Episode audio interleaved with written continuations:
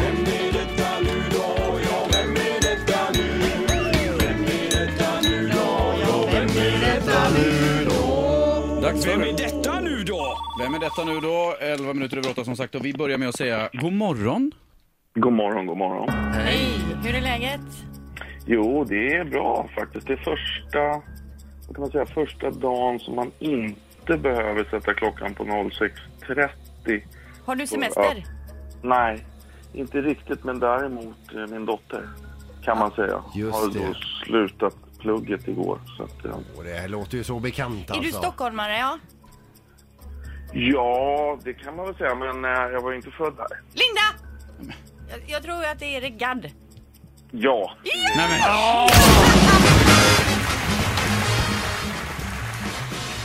duktigt. Det gick fort. Det är ju en utav mina idoler. Jag det här vet ju. och därför tänkte jag, jag, jag, jag hörde det, så tänkte jag vågar inte vänta en sekund till för snart ropar Sandholt men jag ser på din min nu att du hade inte en aning. Nej men alltså r- rösten var ju bekant alltså. Jag kunde- fick ju bara inte till ett namn och än mindre en bild. Hur är det med dig? Det är, ja, det är mycket bra faktiskt. Det är som sagt jäkligt härligt så när man går in i den här perioden så man kan släpa iväg barnet till eh, vid tio-tiden istället för halv nio. Ja. för det är du som sköter morgonrutinerna. Ja, det delar vi väl på, men, eh, men visst, det händer ofta. Mm, För jag kommer ihåg sist vi pratade med dig, då pratade vi om hur det är att vara musiker och jobba hemifrån. Men var det inte så att du hade en litet eh, rum på gården där ni bodde? Ja, vad bra. Vilket minne då. Ja, du vet. Med, med en egen studio eller skrivarlya eller vad är det?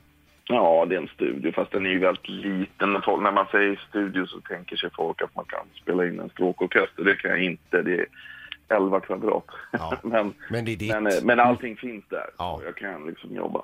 Men ser du det lite Erik som att det är din man cave? Äh, Nej, det hade väl varit fint. Men nu är det ju så att Cornelia, min fru, hon jobbar ju också med musik. Vi jobbar ju tillsammans dessutom, så vi springer ju om varandra där ute. Så vi liksom delar på det.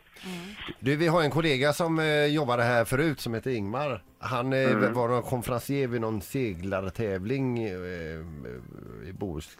Eller om det var i Stockholm. Det var I, Sto- nog I Stockholm var det. Stockholm, ja, det visst. Och då, då var det det att du skulle, du skulle framföra lite låtar där. Ja. Eh, och han berättade om när Erik Gadd anlände till den här spelningen. Och coolare än så kan man inte anlända. En gitarr på ryggen eh, åkandes på en longboard. Nej, cool. Ja, ja just det. Det var förra sommaren, va? Så skulle jag också ja. vilja åka till jobbet. Är det så Det du är tänker toppen. åka runt på din turnépremiär? Eller turné här nu som du ska ha premiär för? Ja, någon lång bräda blir det nog i bak i luckan på bilen i alla fall. Så att man kan ta sig sista biten. Ja. Nej, det, jo, men det tror jag att jag tar med. Men hur är det nu med turnén? Vad- när drar, drar det igång idag? Alltså, jag har redan börjat. Smygbörjat lite, får man väl säga. Men du, eh, repertoaren där, blir det från hela karriären där? Ja, det är absolut. Jag, spelar, det är, jag hör ju också till de som tycker det är jäkligt kul att lira de där låtarna. Och försöker liksom...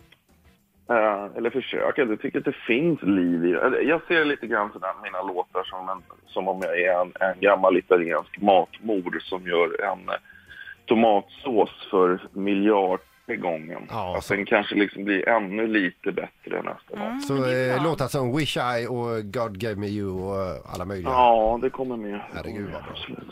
Underbart. Tack så hemskt mycket för att du var med Erik. Tack, tack själv. Och lycka till med turné, turnépremiären och turnén, kan man säga så?